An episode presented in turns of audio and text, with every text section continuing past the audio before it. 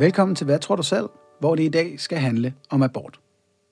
Min gæst hedder Søren Røn. Han er teolog, og så er han aktiv i foreningen Retten til Liv, som du måske har set i programmet Sine Molde på udebane, hvor hun også øh, kiggede på abort og kampen for imod fri abort.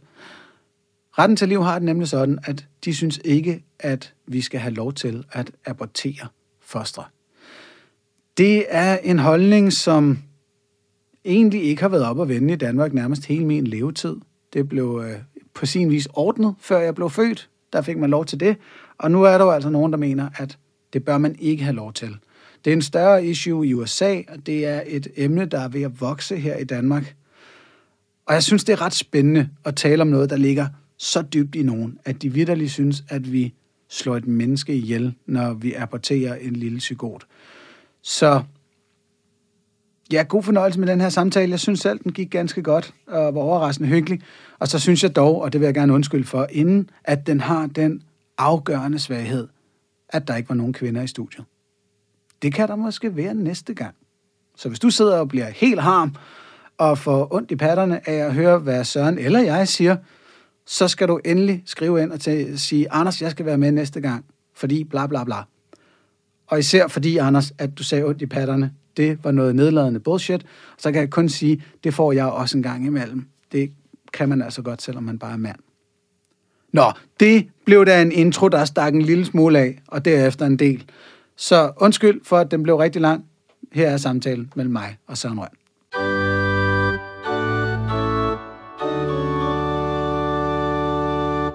Søren Røn, velkommen. Hvad tror du selv? Mange tak skal du have. Og lad os finde ud af med det samme. Hvad er det, du tror på? Religiøst, vel at mærke. Jamen, øh, jeg tror på kristendommen, som den er. Altså, jeg er medlem af Folkekirken, mm. så det er jo den kristendom, jeg tror på. Så protestantisk, luthersk. Yes. Okay. Og i, i hvilken grad, vil jeg så spørge? Fordi i Folkekirken, der kan man jo tro, som man vil næsten. Ja. Øh, er du blandt dem, der tror lidt grundigere på også noget af det gamle testamente og den slags? Øh, ja, det er helt sikkert. Altså, jeg tror på en måde, jeg føler, at jeg står lige midt i folkekirken, fordi jeg, jeg tror på det, der står i vores øh, bekendelseskrifter. Og der står jo altså for eksempel, at Jesus står for de døde. Det tror jeg på. Og Okay. Så ja, jeg, øh, jeg har den sådan klassisk øh, konservative tro. Ja. Alright. Og det er på djævlen og er Noahs ark og sådan noget også? Yes. Okay. Så tænker jeg jo ikke, du står lige midten. Det gør jeg jo i forhold til vores øh, bekendelseskrifter også. Okay, ja, Det, det er det, ja. jeg mener. Jeg står ikke lige i midten i forhold til, hvad der er det mest almene synspunkt. Nej, nej. Det er jeg på. Men det er bare fordi mange gange, så, ligesom, så bliver det sådan, at øh, det bliver karikeret, at jeg er den yderste højrefløj. Men det er jeg måske, men det er jeg ikke på det, som vi egentlig officielt tror på. Yes, ah, men der taler du til kor. Yes. Jeg så jo Det er gerne, at, at kirken stod på mål for, for, hvad der rent faktisk er trosbekendelsen. Yes. Jamen, jeg tror, at nu har jeg hørt din podcast, der tror jeg også, der er mange ting, hvor vi står på samme side. Øhm, så har jeg et andet spørgsmål. Jeg, jeg skrev jo til retten til liv for at få en abortmodstander her i studiet. Mm. Hvorfor har I sendt en mand? øhm, hvorfor spørger du om det? Fordi altså, jeg havde næsten allerede lidt betænkeligheder ved overhovedet at skulle sidde her og diskutere det som mand. Okay. Jeg synes jo i den grad, det er en diskussion, der burde være øh, iblandt kvinder helst. Okay. Men det er jo fordi, jeg tænker, at kvinden er hovedpersonen Yes, i, i en abort. Så det er jo, det er jo en del af det. Det er jo, Ja. at... Øh, og det kommer vi jo ind på, når vi skal snakke lidt om, lidt om øh, materien. Altså, hvad er egentlig mine synspunkter? Yes. Altså, jeg synes, det er jo... Øh, øh, for at starte et andet sted end lige præcis i øh, abort, som vi jo lige skal snakke om lidt senere, så er, så er netop den frie abort er jo måske noget af det mest kønsdiskriminerende overhovedet, fordi manden har ikke noget at sige i det. Og det har noget at gøre med mit syn på fosteret, kan man sige, på embryoet. Mhm. Mm-hmm. Men øh, jeg synes jo, at en mand er fuldstændig lige så berettiget til at, til at tale om det, som en kvinde er. Alright. Altså, det, og det kommer jo så ned til, jamen du har fuldstændig ret, det kommer ned til nogle af præmisserne, som vi rammer her. Ja. Øhm, så første spørgsmål. Er abort mor i dine øjne? Øhm, altså, mor er vel sådan en... Øh, er vel et udtryk for, at man ulovligt slår nogen ihjel, tror jeg. Altså, øh, abort tager helt... Altså, abort tager livet af et menneske. Så ja. abort er at slå ihjel, men jeg vil ikke sige, at det er mor. Mor, mor det er noget, man ligesom gør sig skyldig i, i forhold til lovgivning også, tænker jeg. Ja, jeg okay. Så, men så hvis abort bliver ulovligt, så vil det være regnet som mor? Ja, det kommer jo igen øh, an på, hvad, hvad er fostret? Er det, et, er det en lille person, der ligger derinde? Så er det jo et Okay. mor. Ja. Så, så kunne vi så lægge et element af, af hensigt ind og sige, jamen hvis den, der træffer beslutningen om en abort, regner med, at det er et menneske, vedkommende aborterer, så er det mor. Hvis vedkommende synes, at det er et, et parasitisk, biologisk væsen, som kan blive til et menneske, mm. så er det ikke et mor. Nej, det synes jeg ikke, man kan sige. Fordi jeg synes egentlig ikke, at det handler om, hvad man synes, eller hvad man øh, føler. øh, jeg hørte godt, faktisk, det... Øh, jeg, jeg, jeg, først var jeg faktisk lidt øh, lamslået, da jeg hørte din snak med Iben Tranholm, Ja. hvor du siger på et tidspunkt, at du synes, at det er forældrene, der bestemmer, om det er et menneske. Øh, ja, der, der mener jeg her, at, at, at man at et menneskeliv starter, når, når to mennesker har tænker, nu laver vi sgu et menneskeliv. Okay. Hvis du forstår, hvad jeg mener. Altså, Men- så, men- så hvis man gør det i undfangelsesøjeblikket, man kigger hinanden dybt i øjnene, dybt romantisk og tænker, det her, det bliver et menneskeliv. Eller hvis man gør det i, i 11. uge efter en masse overvejelser, hvor man siger, godt, vi kan godt, vi kan godt understøtte det her barn. Så er det der, at det bliver et menneskeliv, i mine øjne. Okay. Det, det, har, det har jeg lidt svært ved at forstå faktisk. Fordi hvordan kan ligesom mit syn på om et andet, altså hvordan kan jeg få lov til at definere om, om et andet er et menneske, eller om det ikke er? Altså, øh, mm. det, det har jeg lidt svært ved at forstå. Altså, Jamen, fordi det er jo netop det. er Definitionerne er vildt svære. Ja, og det handler vel om, øh, om biologien. Altså, så, så kan jeg lyst til at spørge dig, øh, hvorfor mener du ikke, at et øh, foster i tredje uge er et barn? For eksempel, Yes. eller et menneske? Og så, så lad os tage den. Ja, hvornår begynder menneskelivet? Mm. Øhm, det skal ikke. Jeg tog den her med min mor også, for lige at prøve at finde ud af, hvor hun stod. Og hun var sådan helt, jamen det starter, når barnet kan overleve uden for sin mors krop. Mm. Inden da er det en, en parasitisk størrelse, øhm, men hvis ikke den kan klare sig uden, så er det som sådan jo ikke et, et selvstændigt menneskeliv. Øhm, og jeg kan godt flugte hendes tanker, og jeg kan især godt forstå, hvis, hvis man er kvinde og gerne vil bestemme over sit menneskeliv. Mm. Øhm, så det er egentlig også der, jeg ligesom, og så ud fra det, hun sagde der, så var jeg sådan lidt, jamen så er det egentlig nok, når forældrene beslutter sig. Fordi jeg har haft en, en bror og en svigerinde, som, som havde en ufrivillig abort med et barn, der ikke øh, fik samlet sin, sin hjerneskal. Mm. Og ja, den kunne jo ikke overleve uden for hendes krop. Mm. Men deres sorg var tydelig nok over, at de var nødt til at abortere mm. det lille barn. Hvor jeg tænkte, jamen det var jo sådan set et menneskeliv, fordi det havde de to besluttet sig for, at det skulle det være. Og nu ville de opfostre det og så videre. Og så måtte det stoppe. Det var, så var der et eller andet der, som, som brød med min mors definition. Mm. Øhm, så det er derfor, jeg ligesom har sat den til, jamen hvis, hvis to mennesker har besluttet sig for, nu bliver det her et menneskeliv, så vil jeg sige, det er der, den starter. Det føler jeg, ligesom, det føler jeg i hvert fald for nuværende, at det er den, den bedste, det bedste point of no return, okay. hvis man kan kalde det, jeg, Men jeg kan finde. Men, men det, det, det betyder så også, at, øh, at det ene foster og det andet foster på 20 uger, der vil du sige, at det ene er et menneske, det andet er ikke et menneske. Det ene er et barn, det andet er ikke et barn. Altså, lad os sige, her er der, Ja, her er der mor og far, de vil gerne have et barn. Her, er der- her er der mor og far, de siger, vi, vi, anregner, vi, vi regner slet ikke for et barn. At så, det gør simpelthen, at det som det, som det foster øh, er, altså objektivt, det ændrer sig.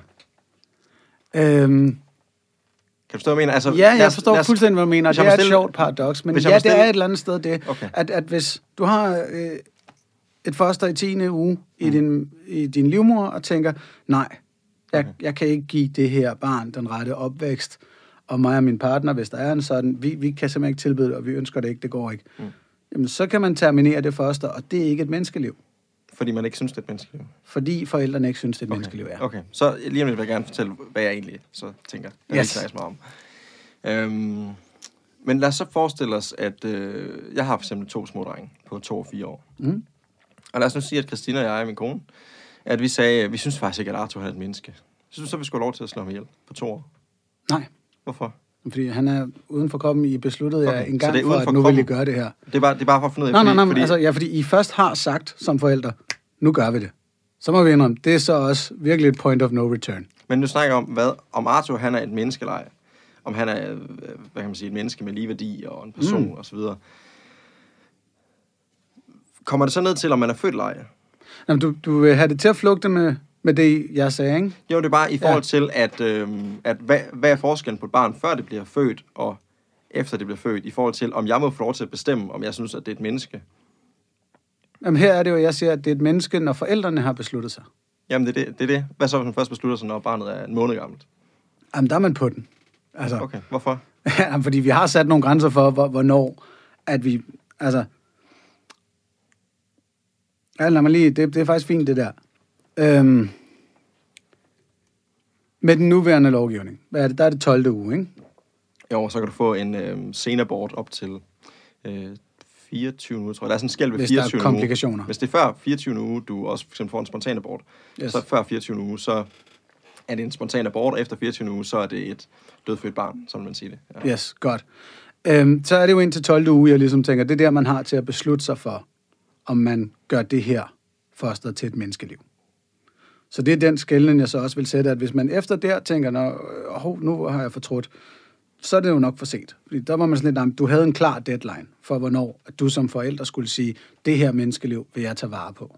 Okay. Så derfor vil jeg sige, at når knægten er to år, og I, I ellers i, i to år og ni måneder har gået og tænkt, det her, det gør vi, så kan man ikke skifte beslutningen. Okay, men kan du godt forstå, hvad jeg mener med, at det er lidt mærkeligt, at jeg har definitionsretten til, om et andet øh, liv, om det er et værdifuldt menneske, eller om det ikke er, at det er mig helt personligt, der definerer det. Og i forhold Ja. til det med 12 uger, altså det er jo også en praktisk grænse. Du kan jo finde lande, hvor du har, for eksempel er der jo stater i USA, hvor du må få foretaget abort frem til fødslen. Hvad tænker du om det, for eksempel, at få en abort dagen før man skal føde? Ja, hvis kvindens liv er i fare. Nej, man kan også godt bare gøre det. Altså, der er noget, der hedder... Ah. Der, der, der er Og noget, fordi der det var hedder, det, Iben Tranholm også sagde til mig Okay. for et par uger siden, hvor jeg gik ind og måtte tjekke det bagefter, og kunne, så vidt jeg så, Men ikke er- finde Okay. belæg for, at men, man må gøre hvad som helst. Men hvis du er, hvis du er en uge før termin, for eksempel, så vil du jo nemt, altså, så vil du nemt bare kunne foretage et kejsersnit og få barnet til at leve, altså hvis det var fordi, at det var farligt for kvinden. Så vil, altså, Ja. lad os så sige, okay, lad, lad os sige, at der ikke er noget, øh, at der ikke er så sene aborter. Hvordan vil du have det med, at man aborterede et barn i 9. måned? Hvad, hvad er omstændighederne? Omstændigheden er, at barnet er rask, moren er rask. Det handler om, det er, lige, lige, lige nu der er vi ligesom i gang med at definere, Ja, ja, ja, ja, ja. Hvad, hvad er barnet, eller hvad er Og man får en abort meget, meget sent i graviditeten. Mm. Ja, for det første ville det undre mig utrolig meget, ja. Ja. Hvis man gjorde det fuldstændig uden begrundelse. Mm. Det er vel også derfor, vi så har sat en grænse tidligere. Mm-hmm.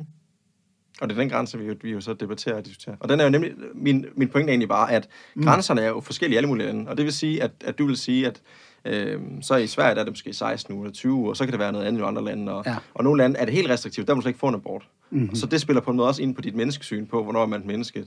Øh, hvornår har vi sat nogle grænser? Mm, Du bringer selv det op ja, det med kan man 12 godt uger Altså, så synes jeg, det er synd, at man ikke giver forældrene retten mm. og muligheden. Mm. Fordi der er så mange komplikationer ved uønsket menneskeliv. Okay. Nå, jeg vil jo sige, at øh, fra undfangelsen, det er det eneste sted, der sker ligesom noget helt nyt. Der, den her sammensmeltning af æg og sædcelle, mm. der bliver der dannet det, der vil hedde en zygot eller sådan noget. Øh, og der ligger hele DNA, hele arvemassen, og der er det ligesom, der er det allerede bestemt, hvilken farve hår øh, får man, hvilket køn bliver øh, får man. Og, så det er jo ligesom et selvstændigt DNA. Ja. Så det er ligesom, det er selvstændigt liv, og det er arten menneske, Ej, det er ikke selvstændigt, vel? Det er jo stadig dybt, dybt afhængigt. Jamen selv, ja, det er det. Men, Ja. men er afhængighed lige med uselvstændighed? Altså det mener jeg bare, at, at det ikke længere... Altså det er ligesom en ny organisme. En ny hel organisme, som indenfra vokser sig større og større, som jo betyder, at efter tre uger er der et hjerte, der slår, efter otte uger er, er den mere, mere eller mindre dannet, og så vokser den derfra. Sådan. Så der er ligesom et nyt, en ny organisme, lad os så kalde det det. Og det er arten, mm. arten menneske. Og der er ligesom ikke noget andet sted, synes jeg, det giver mening at sige, her er det et menneske, og her er det ikke. Jeg synes, Det er fra et biologisk synspunkt. fra, fra, fra et biologisk synspunkt. Okay. Og derfor synes jeg, at, at det er meget vilkårligt, det der med at sige, nej, men øh, det handler om, hvad forældrene synes, fordi hvis vi kigger på det, altså, jamen, jeg, jeg, jeg, jeg forstår måske virkelig ikke, hvad du mener, fordi hvordan kan det, Det fordi- hvordan, kan, fordi, hvordan at- kan mit syn på, hvad noget andet er, hvad det, der definerer, hvad det er, det er det, jeg ikke helt forstår. Altså, der er jo noget, der er noget biologi, og der er jo, altså, Ja, men balladen er så, så er der den biologiske grænse, som så enten hedder, jamen hey, er det fra DNA'en er der, eller er det fra, at der er noget kognitiv virksomhed i fosteret, eller er det fra, at det biologisk kan overleve uden kvinden sin mors krop? Og så skal man til at, at, at diskutere, det, hvilken biologisk grænse er det. Det var derfor, jeg ligesom henviste til, hvad min mor mente med, mm. jamen når den er færdig med at være en parasit, mm. så ja. Øh, og det er jo der, hvor jeg så langt hellere vil have den her, skal vi kalde det kulturelle eller kærlighedsbetingede grænse, som netop også går ind og tager hensyn til, jamen, er der en, en opvækst for det her barn? Nemlig, når forældrene siger, vi kan skabe rammen for det her, og så inden for en eller anden fornuftig biologisk grænse, du skal ikke bare have lov til at komme, når han er fem år gammel og sige, nej, ved I hvad, vi har fundet ud af, Karina er lige blevet fyret, den går ikke. Mm. Øhm, og derfor vil jeg gerne have den her kulturelle setting, der hedder, jamen, når de har besluttet sig for, at det er et barn, så vil jeg også mene, det var et barn. Det bevares, det er min grænse. Mm. Det er ikke... Mm. Og det er det, jeg jo gerne i, sådan set vil have juridisk, det er, at man har lov til at sætte sin egen grænse inden for så den ramme af nu 12 uger eller 24 uger med komplikationer, vi så har sat for nuværende. Ja. ja. Men, men ja. du tænker, at det er ved DNA'et? Ja, det er, det er ved... Øh, der starter den. Ikke, ikke når de kognitive evner er udviklet øh, der ved sådan altså, 25. uge eller sådan noget. Nej, altså, vi kan prøve at stille sådan op. Øhm, hvis vi nu skulle lave ligesom... Øh, vi sagde, okay, nu skal vi øh, igennem den her port, og alle, der har lige meget ret til at leve, de må gå ind igennem den her port. Alle, der har lige meget værdi og lige meget ret til at leve, de må gå ind igennem den her port. Mm-hmm. Giver det mening? Og så tager vi, øh, altså det vil sige, de rige, de fattige, de sorte, de hvide, mænd, kvinder, handicappede, raske, øh, jeg går ud fra, at du stadig er med mig, de har alle sammen ja. lige meget ret til at leve. Øh, så kan man sige, øh, skal vi have hunden med derind? Ja. Øh, hvad vil du sige til det? Øh, ja. Okay, så du mener, at hunden har lige så meget ret til at leve som mennesker? Ja. Jeg regner alle dyr ens. Okay. Og det gør du, altså, betyder det så også, at... Øh... Jeg er hyklerisk øh, ikke veganer. Kan vi tage med i det? Okay. Ja, ja, men jeg er også inkonsekvent altså, og hyklerisk på mange områder. Det er mm. svært for mig at finde en måde at leve på, hvor jeg er konsistent mm. hele rundt. Det tror jeg er det, man kalder konsekvent inkonsekvent. Øh, yes. Måske med mange ting. Øhm, nå, interessant. Altså, øh, jeg synes også, man skal behandle dyr ordentligt. Helt sikkert. Mm. Og øh, jeg synes, at man skal gøre, hvad man kan for, for dyrevelfærd. Jeg synes ikke, at man må torturere dyr, for eksempel. Men jeg vil lige vil sige, at der er en forskel. Så ikke man skal have samme fængselsstraf for at dræbe hund. Og jeg tror også, at selvom at du siger det der munden, så er ikke også, du er enig med mig i, at øh, hvis du kommer til at køre en kat ned, så får du det anderledes, end hvis du kommer til at køre et menneske ned. Altså, er der ikke et eller andet intuitivt i, at øh, mennesker har mere ret til at leve? Og jeg mener har... så heller ikke, at straffen for trafikuheld behøver at være så tæskehøj. Nej. Øh, nej, nej, men, men altså, det principielle i, at at jo, jo, jo, der er en vægtning af liv også. Mm. Det, det kan jeg godt følge dig Der er noget, altså det er frem til bare, at der er ligesom en øh, fornemmelse. Jeg tror, ingen af os to faktisk er sådan super repræsentativ på det her. Egentlig. øh, vi står på, sådan på hver vores måde lidt uden for øh, det mainstream. Men der er alligevel, det som jeg oplever mainstream, det er, at der er ligesom en fornemmelse af, at vi har alle sammen lige meget ret til at leve, lige meget ret til at være. Mm. Der, der, er ikke nogen i det offentlige rum, der vil finde sig i, øh, hvis jeg behandlede en mand i kørestol vildt dårligt, fordi at, øh, det mente jeg havde ret til, eller øh, en, der var enormt fattig, at så fordi jeg er rig, så får jeg lov til at behandle ham som øh, B. I hverken ser for, det sker jo desværre mange steder. Ja. Ligesom så meget andet forfærdeligt. Og, øhm, og så må vi kigge på, hvad er det egentlig, der gør, at vi har lige værdi? Hvad er det egentlig, der gør, at alle de mennesker, som, som uanset øh, sygdom, eller, eller om de er raske, uanset øh, økonomisk stand, uanset øh, race og, og seksualitet osv., så er alle lige meget ret til at leve. Øh, det er vel det, at vi er mennesker.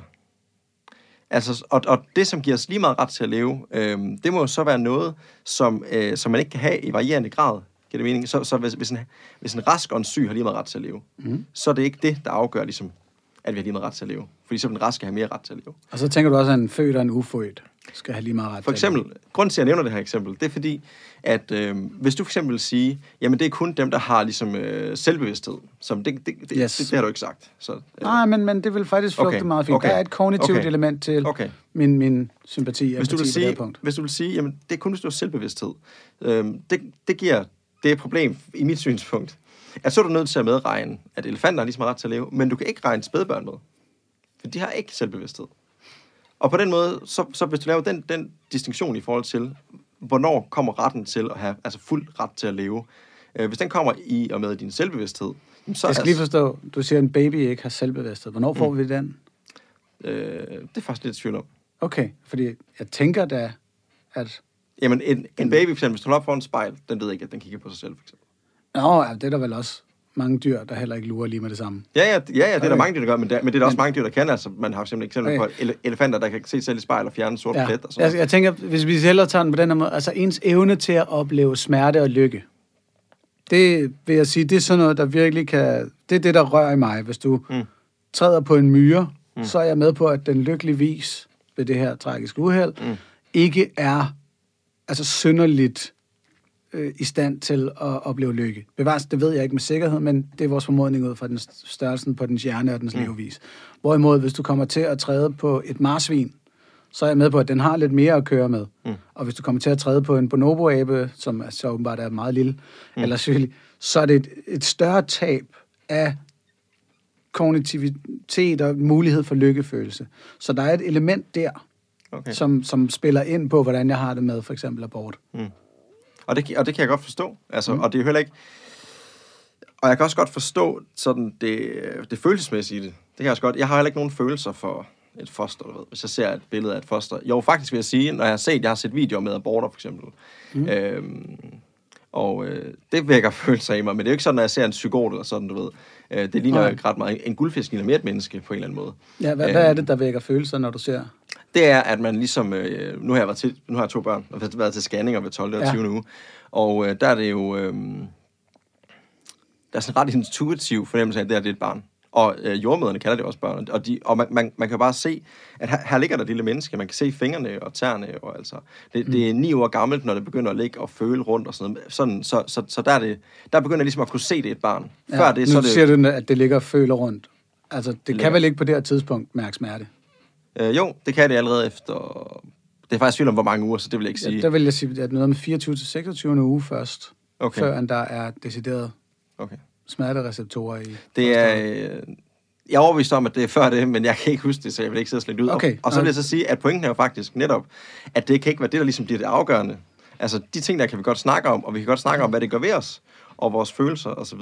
Men, øh, men hvis du ligesom tager det standpunkt helt ud, så vil du jo også sige, at mennesker med øh, nedsat kognitiv evne øh, er mindre værd end mennesker med fuld kognitiv evne, Ja. hvis, hvis du gør det. Okay. Et, et hjernedødt menneske. Jamen ikke et hjernedødt, Det- bare med Nå, nedsat kognitiv evne, for eksempel. Eller Nå, et, det, er stadig, det er stadig et, et, et væsen, der kan føle lidelse og glæde Ja, ja, men, videre. men, men grund til, at jeg siger det, det er fordi, at du går det ligesom op til sådan, at jamen, jo mere kognitiv virksomhed på en eller anden måde, jo værre er det det. spiller ind. Ja. Okay. Okay, så, så, så det vil også mene, at ligesom hvis... Det er ikke at, der, jo juraen nødvendigvis skal sættes ud fra. Nej, sådan, nej, så ikke juraen, så er det en IQ-måling, der afgør, øh, Nej. hvor, meget straffen skulle være for at Nej. slå vedkommende ihjel. Jeg er heller ikke god til øh, det juridiske. Jeg ved faktisk heller ikke, hvordan jeg synes, en god abortlov vil være. Altså, Nej. Det er noget, jeg tit bliver krævet til ansvar for, ligesom, øh, hvad skulle straffen være for at få en abort? Det ved jeg ikke, altså. Altså, nu snakker jeg om det ligesom, om det, om det helt principielle. Og der vil jeg Ja. sige, at øh, altså, pointen er set bare, at det kan ikke være noget, vi har i varierende grad, hvis det er noget, der gør os til lige meget du ved, værdifulde mennesker. På samme måde, så, så er der også eksemplet med fattige, for eksempel. At nogle gange, så bliver det også ligesom et argument. Du nævnte det også tidligere, det her med, hvis nu forældre siger, at vi har ikke råd til at tage sig af det her barn, vi har ikke evnerne til det og sådan noget. Mm. Der kan man også sige, jamen, øh, fattigdom, eller øh, det, det, det kan ikke rigtig være noget, altså, hvor meget jeg har, kan ikke rigtig være, være med til at vurdere, hvor meget jeg er, jeg er værd som menneske, eller sådan. Giver det mening for dig, det jeg siger? Ja, det gør det. Ja. Øh, og det er noget af det, der udfordrer... Øh, for mig i hvert fald er meget ud- udfordrende ved abortloven, det er, at jeg synes jo, at det ofte bliver, ligesom du faktisk giver udtryk for, det bliver ligesom den enkelte, der må gå op med sig selv, jamen hvad synes jeg, det er? Men jeg synes jo, at der er noget, der er over, hvad jeg synes, ligesom at mit eksempel med, som, som du jo heldigvis er helt enig med mig, at jeg må ikke bare slå min dreng ihjel nu. Fordi det er ikke noget, jeg selv får lov til at bestemme. Og det, der kan jeg ikke se, hvorfor ligesom den der grænse, at man kommer ud af den der åbning der, øh, på en eller anden måde, ikke? at den ligesom gør, at nu er det noget helt nyt. På en eller anden måde, det er jo sådan, det er jo sådan noget som, hvor afhængig man er, for eksempel. Det nævnte du også, det der med, din mor Ja. havde nævnt. Og det er også noget, jeg hører meget. Og det kan jeg også godt føle og følge på en måde. Men, men igen så vil jeg sige, jamen, hvis du tager fødte mennesker, hvor afhængig du er, hvis du skal have en pacemaker, for eksempel, for at få hjertet til at gå, eller hvis du ligger i... Ja, eller øh, din toårige er temmelig dybt afhængig af dig og Christina stadigvæk. Ja, det er han faktisk. Ja, selvom at, øh, han er lige begyndt at snakke og sådan noget. Han begynder at kunne lidt mere nu. Ja, ja, men hvis Øh, han var ude på gaden, så Han er på den. ville han være fucked. Han er Ja. på den. Øhm, men du siger så, at der er noget over. Er det så din Gud, eller er det noget fællesskabsfølelse, der er det her over? Altså egentlig, det er jo det er faktisk lidt... Jeg, egentlig, altså, jeg har glædet mig til i dag, men jeg har også været lidt spændt, fordi at du netop ikke er repræsentativ, tænker jeg. så typisk, så, så, så det over, jeg vil kunne appellere til, og som jeg også selv øh, ligesom i den her sag bruger ligesom i min argumentation og i min tankegang, det er det over, at vi er enige om, at øh, alle mennesker har lige meget ret til at leve. Og det er sådan en meget, det har folk forskellige grunde til at mene, men det har vi sådan en idé om, at alle mennesker har lige meget ret til at leve. Mm. Og så er det biologiske, at det er et menneske, og så kan man snakke om, hvad er det menneske? Så vil nogen sige, at det er ikke en person endnu, eller, og, og du har også været inde på nogle af de forskellige mm-hmm. ligesom, afvejninger, man kunne have. Men typisk, typisk kan jeg blive enig om med mennesker, at jamen, alle mennesker har lige meget værdi, uanset øh, evner, race, seksualitet og alt muligt andet. Så ville du stadig være imod abort, hvis du ikke troede på Gud? Øh, ja, det vil jeg med det, jeg ved. Og, ja. så, og der når vi så til det med troen. Grunden til, at min tro spiller ind i det her, det er jo fordi, at jeg så tror på, at udover at mennesker har, har høj værdi, så tror jeg også på, at der ikke er nogen mennesker, der er en tilfældighed. Altså jeg tror på, at øh, alle mennesker er skabt af Gud. Okay, men det vil så kræve Gud. Jo. Ja, ja, lige præcis. Okay. Men det er bare for at sige, hvorfor jeg er motiveret til det. Fordi man kan sige, hvis jeg nu tænkte, som du tænker, at... Øh, nu har jeg lyst til at sige et andet, du overhovedet ikke tænker, fordi det er altid... Øh, Prøv bare, Det- så, nej, nej, du- kalder vi en stråmandsalarm, og så jamen, prøver det, er du igen. det er ikke en strømmand. Okay. Det er bare, fordi jeg har lagt mærke til, at nogle gange i de podcast, så siger folk, vi ved jo. Og så siger det et eller andet, som man overhovedet ikke ved, men som man tror. Ja. Og så bliver du altid lidt indigneret, og det synes jeg bare er sjovt. Så det har jeg overvejet at køre lidt på. øhm, nej, Jamen, jeg har meget respekt for viden, så jeg kan ikke lide, når det bliver sagt på den måde, der. øh, nu har jeg helt øh, glemt, hvor vi kom fra. Vi kom fra det her med, vil du Øhm, være imod abort, nå hvis ja. du ikke troede på Gud? Nå ja. Altså, altså det vil sige, det er, øh, jeg ved ikke, hvor meget jeg ville gå op i det, hvis jeg ligesom dig tænkte, jamen, vi er her kun de år, vi er her. Mm-hmm. Og der er ligesom ikke nogen bestemt grund til, at vi er her. Mm-hmm. Altså, det, det kan man finde en grund, og jeg tror, at alle mennesker har, finder en grund jo til at være her. Men jeg tror på, at der er en grund over, hvad jeg lige kan, selv kan tænke mig til. Jeg tror på, at Gud har skabt os og vil os, og det vil sige, at Gud han elsker alle mennesker. Og, øh, og det giver mig ligesom en ekstra motivation for at bekæmpe det, som jeg jo tænker er at tage livet af mennesker. Ja. Øhm, så, det, så, så, så, så det er på den måde, at min tro spiller ind, og det er klart, at det har jeg jo så fra Bibelen, at der står, at Gud han har kendt os fra undfangelse og så videre. Øhm, men det er ligesom ikke... Øh, med, med det, jeg så har fundet ud af, jeg ved, så det, det er ikke ligesom det, der er min argumentation eller grunden til, at jeg er imod det. Så jeg vil klart være imod det. Der er jo også store sekulære øh, pro-life organisationer. Jamen det er øh, det, og det, det, jeg synes, det er så skægt. Altså, hvis man er sekulær abortmodstander, det skal man være velkommen til. Så har jeg det bare sådan lidt, så er man sgu nødt til at være veganer. Altså, fordi vi ser jo ikke som sådan, eller de fleste af os, en forskel i værdien af et menneskeliv og et dyreliv, mm. som udgangspunkt. Så der tænker jeg, at hvis man vil beskytte et 12 uger gammelt foster, så vil man også beskytte en kylling mm. eller lignende. Øhm, men jeg kan bedre forstå det for jer, som er kristne, og som mm. ligesom tænker, at menneskelivet har en lidt større særlig værdi mm. i Guds øjne. Og derfor er, er det her ufødte øh, menneske stadig værd at beskytte. Mm. Øhm, Men ja, altså det kan du sige, men alligevel, Anders, oplever du ikke, at, altså, at langt de fleste mennesker vil sige, at, at øh, menneskelivet er noget, noget helt andet. Og det kan man så have forskellige grunde til jo. Jo, men det er heldigvis en tanke, der er i opbrud. Ja. Jeg sige. Det, det skyldes jo altså 2.000 års judæokristen ja. Kultur i nærmest hele verden, som har sat mennesket som naturens herskere. Mm. Der er, en, uh, der er en større, helt kulturel debat, hvor Jens. André Herben og sådan nogen vil sige, det er årsagen til klimaforandringerne. Nå, sikkert. never mind. Det, det er faktisk helt hen til, det er sådan, så, så Gud er en del af det, mm. selvom du også kan, kan argumentere uden mm. ham. Gud er grund til at gå op i det. Okay, ja. ja.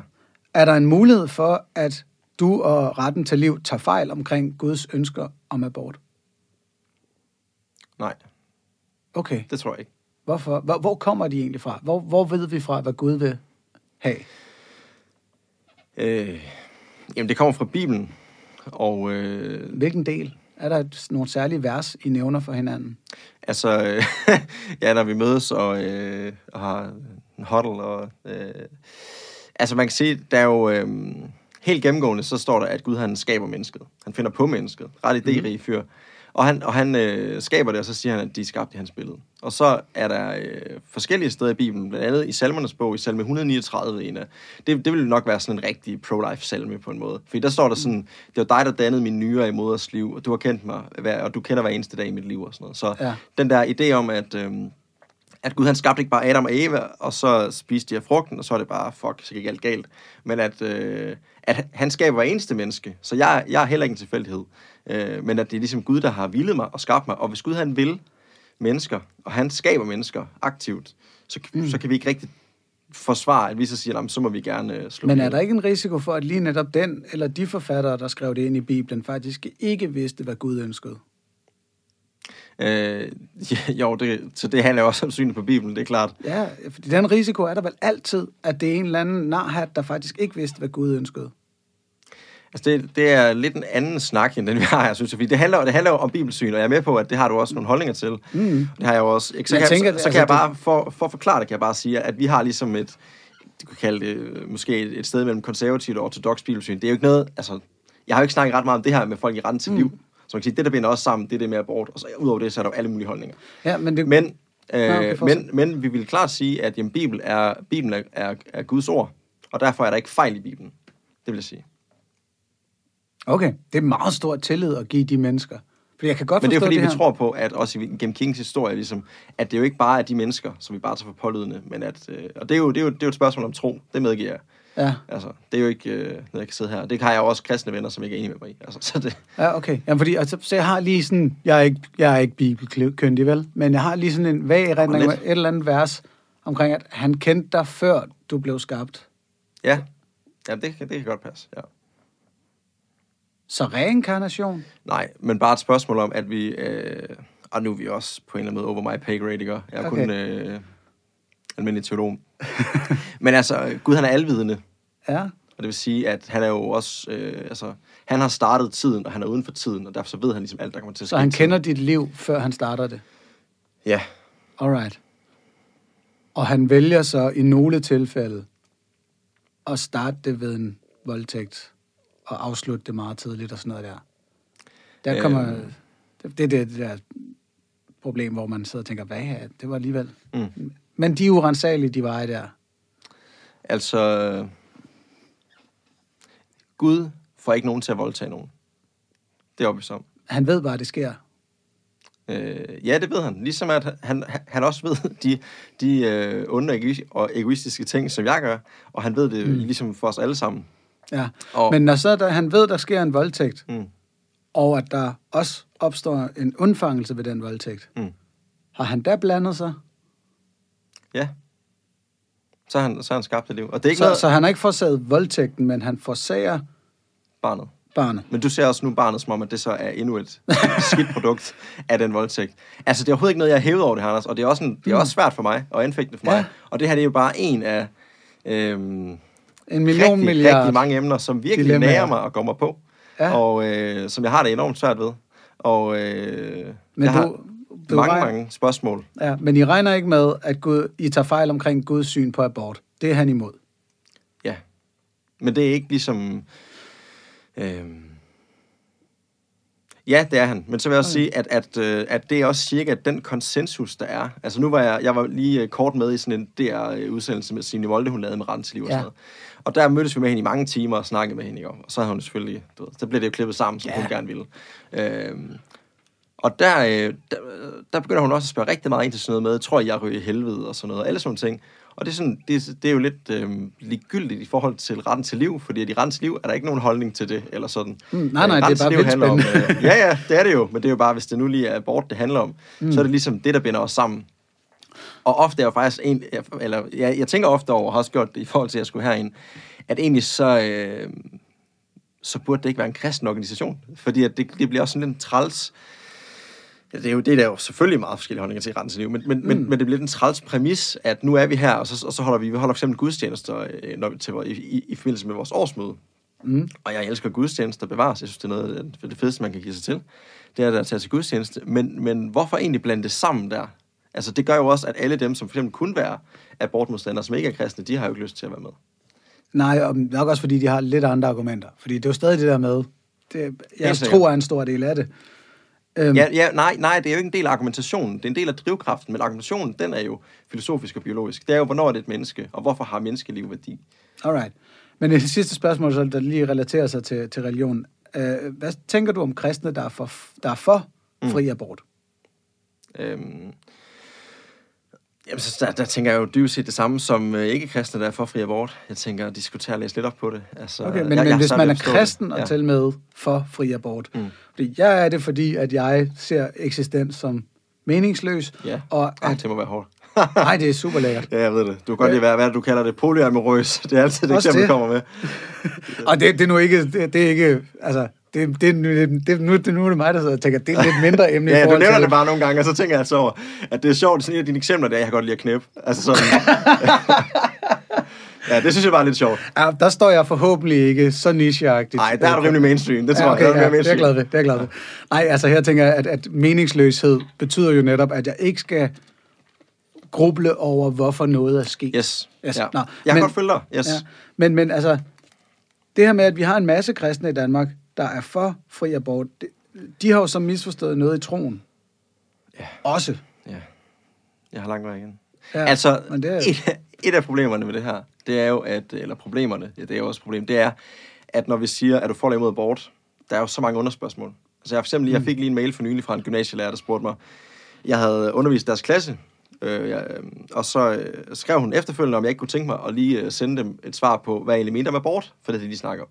Og så må jeg også skrive til hende, jeg kan godt svare på noget af det, men altså, det er ligesom, der er mange spørgsmål i det.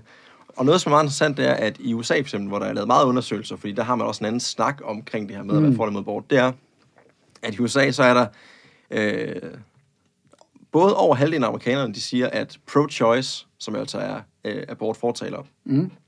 det er et, ligesom et begreb, som udtrykker, hvad de mener. Og over halvdelen siger, at pro-life, som er abortmodstandere, det er et begreb, der udtrykker, hvad de mener. Og når man så går ned i tallene, så kan man se, at rigtig mange af dem, de siger, jamen grund til, at jeg er for fri abort, det er fordi, at jeg synes ikke, at hvis morens liv er i fare, eller hvis barnet er undfanget ved en voldtægt, så synes jeg ikke, at det skal være ulovligt at få en abort. Og det er jo så 2, 2% af tilfældene. Øhm, og så kan der være nogen, der siger, jamen, øhm, altså fa- faktisk stort set alle, og det gætter jeg faktisk også på et tilfælde i Danmark, de vil sige, jamen, øhm, tredje trimester aborter, altså sidste tre måneder inden fødslen, Ja. det mener jeg ikke burde være lovligt. Mm. Så det vil sige, at alle er, næsten alle er for en eller anden form for restriktion. Ingen gang i særlige omstændigheder. Øh, jo, måske i særlige omstændigheder. Okay, fordi det er vel også de eneste tredje semester, trimester øh, aborter, der er lovlige. Øh, ja, men nu er det bare sådan, det principielle om man er for eller imod abort, jeg mener. Altså, altså, er du imod abort? Næsten alle er imod det i et eller andet omfang. Og alle er for det i et eller andet omfang, mere eller mindre. Jeg er så Ja. ikke. Men, øh, men jo, altså jeg vil så sige, over for kristne, så vil jeg jo øh, spørge dem ind, altså der vil jeg jo godt kunne bruge Bibelen. Fordi hvis du mm. Mm. har købt ind på og siger, jamen jeg er kristen, og jeg mener bare, at øh, det må folk selv finde ud af, hvornår livet det begynder, og hvornår man er et menneske. Så vil jeg jo, så vil jeg jo sige, hey, skal vi ikke læse salm 139? Men kan man ikke være kristen uden at købe hele Bibelen? Jo, det er der jo, det er der jo folk, der er. Men jeg tror, men ligesom, øh, ligesom dig, så tænker jeg, at, øh, at man er ikke kristen, bare fordi man er medlem af Folkekirken, for eksempel. Nej, nej, man er kristen, fordi man tror på, at Jesus var Kristus. Yes. Det er min grænse. Yes. Det er også Men, men, men, det kan man jo så Du døbte dig- stadigvæk... døbte Man kan jo stadigvæk tænke, Jesus var Kristus, men øh, whoever dude, der skrev ordsprogenes bog, eller det der kapitel osv., han... Øh, Paulus, what? Han var bare et almindeligt menneske. Han behøver vi ikke at tage som en mm. endelig autoritet. Mm. Det må man vel godt. Altså, det synes jeg ikke, man må. Altså, det må man jo godt, man kan gøre, man vil. Men altså, altså jeg vil sige, altså, så, så vil mit spørgsmål jo altid være, øh, jamen okay, hvis du siger, at du tror, at Jesus han er Kristus, hvorfor tror du det? Mm. Hvor har du det fra? Er det noget, du har tænkt dig til? Nej, det vil typisk være noget, folk har fra, en, hvis ikke første hånd, så en anden hånd, hånds kilde fra Bibelen, ikke? Så kan man sige, hvorfor tror du så på det? Den del, det er da noget af det mest syrede, at der var et menneske, som også lige var Gud, og hvordan hænger det sammen? Der er der, der, er der mange ting i Bibelen, som er meget mindre syret. Gud har skabt os alle sammen, og han vil os det godt. Hvorfor ikke bare holde fast i den del? Det lyder da smukt. Ja, men så er, man Altså- så, så er man jo knap nok kristen jo. Ja, ja, præcis. Men, men, det, men det er bare den måde, vil jeg udfordre det over for en kristen. Så vil jeg jo sige, mm.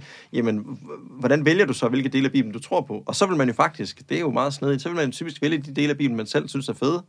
Ja. Og øh, hvis, man, hvis man aldrig er uenig med, med Gud, så kan der godt være en vis sandsynlighed for, at man selv har fundet på ham. Fordi at, øh, det, det skulle være sjovt, at alle mine tanker og fornemmelser og følelser stemmer fuldstændig overens med en altmægtig Gud, som har Jamen, fundet på mig. altså, skal, skal du være med nogle af gangene i den her podcast? Bare sidde ved siden af mig og stille spørgsmål ja, Ja, til, ja, til lidt værre og troende. Øhm, så lad os komme ned i noget af det mere praktiske omkring, hvad I i retten til liv ønsker mm. af, af regelændringer i samfundet. Nu sagde du, at du sådan set har, har I ikke sådan helt snorlige lovforslag til, hvad I ønsker, der skal være eller hvad. Nej, vi har ikke lovforslag. Nej. Okay. Hvad, fordi, hvad er det, I gerne vil have? Jamen, ultimativt vil vi jo gerne have, at det skal være øh, ulovligt at få en abort. Fordi det burde Af være... nogen som helst grad? Af nogen som helst årsag? Ja, altså det vil der jo også være... Det, lige, lige det der, det vil der være forskellige øh, holdninger til. Også i retten til liv. Men altså okay. man kan sige, hvis du tager 98 procent af de aborter, der foretages i Danmark, så foretages de, fordi at kvinder ikke har lyst til at have et barn. Eller fordi de finder ud af, at barnet er handicappet. Øhm, Yes. og så, videre. så, så en ting er, at ultimativt, jamen, så burde det ikke være i orden at få en abort. Og så er der jo også nogle delmål, og der er jo forskellige delmål. Et af dem er jo, at vi skal have...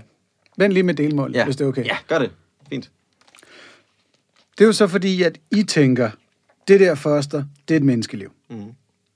Hvis nu, at mor og far til det her foster, mm-hmm. ophavspersonerne, kan vi også kalde dem, hvis det skal være mere klinisk, tænker, det er ikke et menneskeliv, og vi har ikke omstændighederne på plads til at gøre det til et menneskeliv, jævnfør Stjernholm-definitionen, fordi det håber jeg der på bliver udbredt, mm. eller deres egen. Hvorfor skal de ikke juridisk have den mulighed til at have et andet syn på det end jer? fordi at det ikke bare er, det er jo vores, vores argument er jo ikke, vi har det her synspunkt, lad os lave den lovgivning, som vi synes. Mm. Vores argument er, at i Danmark slår vi ikke uskyldige mennesker ihjel, og derfor slår vi heller ikke øh, foster ihjel, fordi de er vidderligt uskyldige mennesker. Men kunne det ikke nøjes med at være en kulturkamp? At I søgte at overtale mennesker til at tænke som jer, men juridisk har mulighed for at udfolde andre ting? Det er jo en kulturkamp, 100%. Yes. Fordi, og det er fordi, at øh, hvis det her det skal vedtages ved lov, så skal folk i Danmark købe ind på, det, på den tankegang. Mm-hmm. Det kommer ikke bare lige til at ændre sig. Øh, og det er jo, øh, måden vi arbejder på er demokratisk. Det er men, jo, at vi prøver ligesom ja. at skabe debatten men, og tage Men kan samtalen. du forstå mig, hvis jeg sidder og tænker, altså hvis der bare var stadig en kvinde, der tænkte, nej, jeg ser ikke på det, som I gør, jeg vil gerne have lov til at gøre, som jeg vil. Mm. Vil det så ikke, det, så vil jeg have, vil det ikke være et problem? At, at, I, til, at I tvang jeres moral ned over hende? Nej, fordi at, øh, jo, jo, hvis det bare var min personlige moral, men... Øh, Nej, her vil det være 99 procent af befolkningens moral, ja. vi tvinger ned over hende. Yes, ligesom vi gør i forhold til min toårige dreng. Altså, det, det er bare, grund til, at jeg nævner ham igen, er bare mm. for at gøre det helt tydeligt, at jeg ser ikke, jeg ser ikke øh, nogen forskel i ret til at leve i forhold til det barn, som er inde i maven, det barn, som er uden for maven. Mm. Og det er, så det, det er så det, man må forsvare. Men hvis, hvis hun gør? Jamen, jamen, det er det, jeg mener. Øh, så kan du jo, så, så kan du jo, sam, så kan du jo øh, med samme tankerække, så kan du jo sige, jamen Anders, du sidder her og siger, at det er bare tough luck, at jeg har fortrudt, at jeg har fået børn. Men jeg har det, sådan har jeg det ikke. Mm. Jeg synes faktisk, at øh, det havde været meget bedre, øh, hvis de ikke var her og nu slår jeg dem ihjel, og du skal knæme ikke komme og blande dig i min moral. Det er jo, det er jo sådan, samfundet fungerer sådan, at, at vi mm. laver nogle lov, noget lovgivning, og, og der vurderer okay. vi jo, hvilken moral er bedst. Er det bedst, at vi gerne må voldtage, eller er det bedst, at vi ikke må voldtage? Det yes. må vi heldigvis Og I tænker, at, at lige netop en abort, det er så, det er så stor en forbrydelse imod det her mm. foster. Ja, det, det vil jeg kalde en halvstor forbrydelse og ende et liv. Ja, sådan. og derfor skal de sidste underlægges, nu bruger jeg lidt hårdere, mm. det er fordi, jeg, jeg vil gerne bruge det mere diplomatisk, men de skal ligesom underlægges den her moral. Mm. På samme måde som vi underlægger dem, som har lyst til at stene homoseksuelle, vores andres moral om, at det kan de fandme ikke få lov til. Mm. Alright. Ja, det jeg stadig ikke kan følge, det er, og hvorfor ikke bare nøjes med den kulturelle kamp? Altså, fordi for eksempel synes jeg heller ikke, at nogen skal have lov til at stille sig op i større forsamlinger og, og tale dunder imod homoseksuelle. Mm. Øh, eller jeg vil ønske, de ikke gjorde det. Og jeg tager en kulturel kamp, der hedder, lad være med at lytte til ham der, der står og taler dunder imod homoseksualitet. Mm. Øh, men jeg vil ikke gå ind og juridisk tage hans ytringsfrihed fra ham. Mm. Kan du forstå, hvad den skældning, at, at hvis jeg var på dit hold, yes. så ville jeg tænke, hey, jeg mener, det der, det er et menneskeliv lige fra det øjeblik, I sagde, øh, mm. eller han i hvert fald gjorde. Mm. Øhm, men hvis I ikke gør, så skal I selvfølgelig have retten til at agere, som I synes, mm. rent juridisk. Mm. Og så vil jeg til gengæld blive ved med at fortælle jer, at jeg synes, I tager mm. fejl. Jamen, øh... Hvorfor den juridiske kamp også? Jamen, det er jo... Øh...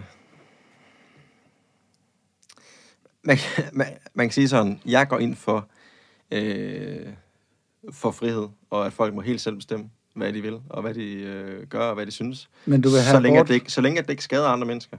Det er jo også der, du sætter grænsen, mm. ikke? Så, så du siger, du må gerne stå og sige, jeg synes jo, at homoseksuel er pisse ulækker. Men du må ikke sige det, mens du slår ham i hovedet, ikke?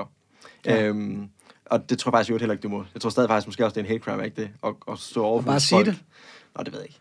Det, øh, det, jamen, det, altså, det var ikke forkert af holdning, men nu lad os, det, det ved ja. jeg ikke. Lad os nu holde os til Der er øh, faktisk, ja, det, et eller andet sted er det med det er racismeparagrafen, men altså, også, så vil der øh, virkelig være mange religiøse forkyndere hver fredag, lørdag, søndag, der mm. kunne sigtes ud. Men der er jo også psykisk vold, selvfølgelig er det Nå, ja. det jeg bare vil sige, det er, at øh, grund til, at vi, vi to er uenige om det, det er jo fordi, at du siger, jamen, øh, folk skal selv lov til at bestemme over deres liv. Det siger jeg også. Men du siger så også, at de må også mere eller mindre selv bestemme, om det her det er et barn. Mm-hmm. Og det siger jeg, det, det, den køber jeg ikke. Det giver ingen mening. Så, så det er for mig det samme, som hvis jeg sagde, at jeg synes knap ikke, man skal slå sine børn ihjel, øh, uanset alder. Men det er ikke noget, jeg vil øh, kæmpe for lovgivningsmæssigt. Hvis det nu, lad os nu sige, at det var lovligt i Danmark at tæske homoseksuelle, så vil vi to også bekæmpe den lov. Jeg gætter på, at du ikke bare ville synes, at kulturelt, så ville du snakke. Du er ja. også engageret politisk, og det synes mm. jeg jo er fedt at man prøver at gøre en forskel. Det gør du jo også, fordi du også vil ændre noget lovgivning. Ja. Det er jo ikke kun fordi, at du vil ind i Christiansborg og fortælle de andre, hvad du synes. Christian Thulsen Dahl, jeg synes egentlig, det er lidt dumt, ja. her gang. Det er fordi, du vil ændre noget politik. Og selvfølgelig, hvis du øh, har en politisk legitimitet, øh, altså hvad hedder det, en juridisk legitimitet i at skade andre mennesker, så vil jeg gerne arbejde imod mm. det. Og øh, det, som jeg synes, folk er nødt til at forsvare, som jeg også synes, at du er nødt til at forsvare. Ja. det, det er ligesom, hvorfor, hvorfor er der forskel på et født og et ufødt barn i forhold til dets værdi? Yes. Og det er jo et eller andet sted et utilitaristisk udgangspunkt, jeg har der. Det er okay. Flest, mest mulig lykke for flest mulige. Mm. Og man har den her lille skabning inde i morens livmor, som... Jeg kan godt lide, du kalder det en skabning. Det jeg.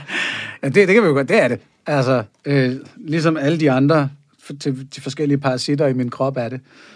Øh, som Men jeg- nej, ikke ligesom, fordi de andre parasitter, eller, eller de andre celler, det er Ja. jo ligesom celler, som er menneskelige, men det er ikke menneske. Det her, det er en lukket men- Nå, nej, menneskelig snakker hey, hey, øh, der er bakterier og vira Ja, ja, og all kinds of shit, at det er her, det, her, det her, det er en levende organisme, som vokser indfra til noget levende, levedygtigt. Ja. Øh, Det, er noget, det, er noget, det er noget andet. Nu ved jeg ikke, om jeg har en Bakterier. bændelorm for nuværende, men Nej, det ved jeg ikke. ej, nu skal vi heller ikke ud i de der definitioner. Men Men det vil så øhm, ikke være et menneske, den bændelorm. Nej, nej, så skulle der virkelig et mirakel til. Mm. Øh, men altså, den kunne sagtens blive et meget lykkeligt væsen. Nå, never mind. Den her, det, det lille foster og morens liv, og for den sags skyld også farens liv. Der er noget lykke. Det vil jeg mene, at det faktisk er den afvejning, to forældre foretager sig. Når de sidder der i øh, 8. 9. uge, finder ud af, okay, du er gravid, og øh, jeg har ikke noget arbejde, du er stadig under uddannelse, vi bor her, sådan og sådan, det, det passer ikke ind eller det passer, det passer ind. Der er de to muligheder. Ikke? Okay, vi kan godt gøre det. Mm.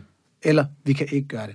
Det er jo en afvejning af, hvad er lykkeomkostningerne her? Mm. Hvis det lille barn kommer, kommer hun så til at, at fejle på sin uddannelse? Kommer han til at skulle tage et arbejde af en art, der ikke helt passede ham, og dermed karrierevejen bliver indskrænket? Kommer barnet til at have alt for let plads? Så videre, så videre, så videre. Og så tager de som oftest en svær beslutning Mhm. og siger, det går ikke. Vi må vente. Vi må lave et liv, når vi har overskud til det, så vi virkelig kan give det den rigtige barndom, den rigtige opvækst. Altså, det er jo den frihed, jeg i den grad ønsker, de skal have. Mm. Og der siger du også, at vi må lave et liv, når... Men biologisk er det i hvert fald et liv. Altså, det er jo helt, det er jo helt ukontroversielt i forhold til altså, alle biologibøger, der hører ud af hylden. Så er det helt ukontroversielt Jamen, det at sige, liv. at livet begynder ved undfangelse. Og så er det så, hvad det er. Ja, og, og det er der, hvor jeg siger menneskeliv, det er senere. Og så lad, mig bare, lad os bare spole tilbage og sige, at jeg sagde menneskeliv så. Mm. Så slipper vi for at, at blive alt for semantisk. Men, ja, jamen, ja, ja, men det er jo ikke alt for semantisk, fordi du, du kalder det et liv, men det er et liv, hvis ophav, øh, person A og B, mm. øh, er mennesker. Det vil sige, det er et liv af arten menneske. Og det vil sige, det kan vi ikke komme udenom, og det er der ingen biologibøger, der vil komme udenom. Og, grund, og det er også derfor, at vi for eksempel har øh, afslag på senaborter. Der er jo ligesom, altså egentlig, så synes jeg jo, at øh, altså abortsagen er næsten umulig at snakke om i Danmark. Altså folk er meget uvillige til at snakke om det. Mm. Øhm, det er også, øh, du er meget velkommen i Rensliv, du kan godt, eller du kan lide det, du finder dig i at være på øretævernes holdeplads. Mm. Og det er man også der. Altså, ligesom, folk har meget, meget svært ved at snakke om det. Og der er ligesom den her mærkelige dobbelthed, hvor man på den ene side, så siger man, øh, kvinden ret til at bestemme over sin egen krop, det er ikke noget barn. Og på den anden side, så får, kan man få afslag på anmodning om en abort, øh, hvis, det er med, altså hvis det er efter 12. uge. Og hvorfor kan man få et afslag på at fjerne noget, som ikke er et barn? Altså, det må man selv bestemme. Altså, hvis det bare var og så er det, fordi man juridisk har sagt, at efter 12. uge er det. Men hvorfor har man det? Det virker jo Ja, helt det- skørt. Hvis det ikke er et menneske, hvis det ikke er et menneske med lige ret til at leve som moren, hvorfor skal moren så ikke lov til at bestemme det? Det kan jeg slet ikke forstå. Så der er ligesom den her dobbelthed. Øhm, og nu har jeg jo selv oplevet det, at være i sundhedssystemet og gerne vil have et barn. Og der er det jo sådan, jordmoren og lægerne, de kalder det alle sammen et lille barn. Men jeg, har også, øh, jeg, jeg kender også kvinder, som har fået en abort, og som er kommet ind og ligesom har sagt, jeg, jeg, har, jeg er gravid, og jeg vil ikke have det her. Og så kalder de det konsekvent ikke et barn. Ja. Øh, Det virker som om, de arbejder med min grænse. det virker, ja, og den er jo helt overfor Anders. Nej, den er spot det er jo, jo. men den er jo bare, den er jo totalt selvmodsigende. At på den ene side, så er det et barn, på den anden side er det ikke et barn, det bestemmer du. Min, jamen nej, det bestemmer forældrene. Det er deres hensigt, der afgør det. Men, det, er jo- men igen, hvad er forskellen på et barn på tre måneder, og et barn tre måneder før det blev født, i forhold til, om jeg med min hensigt kan vurdere, om det er et menneske? Det forstår jeg. Dets evne til at mærke lykke og smerte. Det, Det, der det er selv... den afgørende forskel. Okay. Har dyr den evne til at mærke lykke og smerte?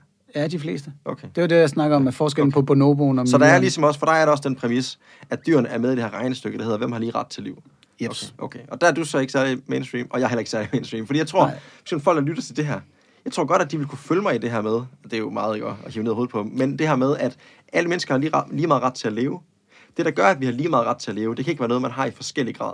Nej, Og mennesker men der har har vi jo været, Ja, ja. så vil jeg lige sige ja, til snakken. men det er bare fordi, at... Øh, ja, jeg kan faktisk godt høre, at jeg har gentaget mig selv mange gange, men det er faktisk fordi, at det bliver ved med at være præmissen, lige meget hvilke eksempler, lige meget om du nævner øh, voldtægt, eller alle mulige ting, som jo er nogle ting, som er værd at stoppe op ved, så er præmissen for spørgsmålet, er det et værdifuldt menneske på linje med dig og mig, eller er det ikke? Det bliver, alt, det bliver altid det, der kommer til at afgøre, hvad jeg skal mene om Ja.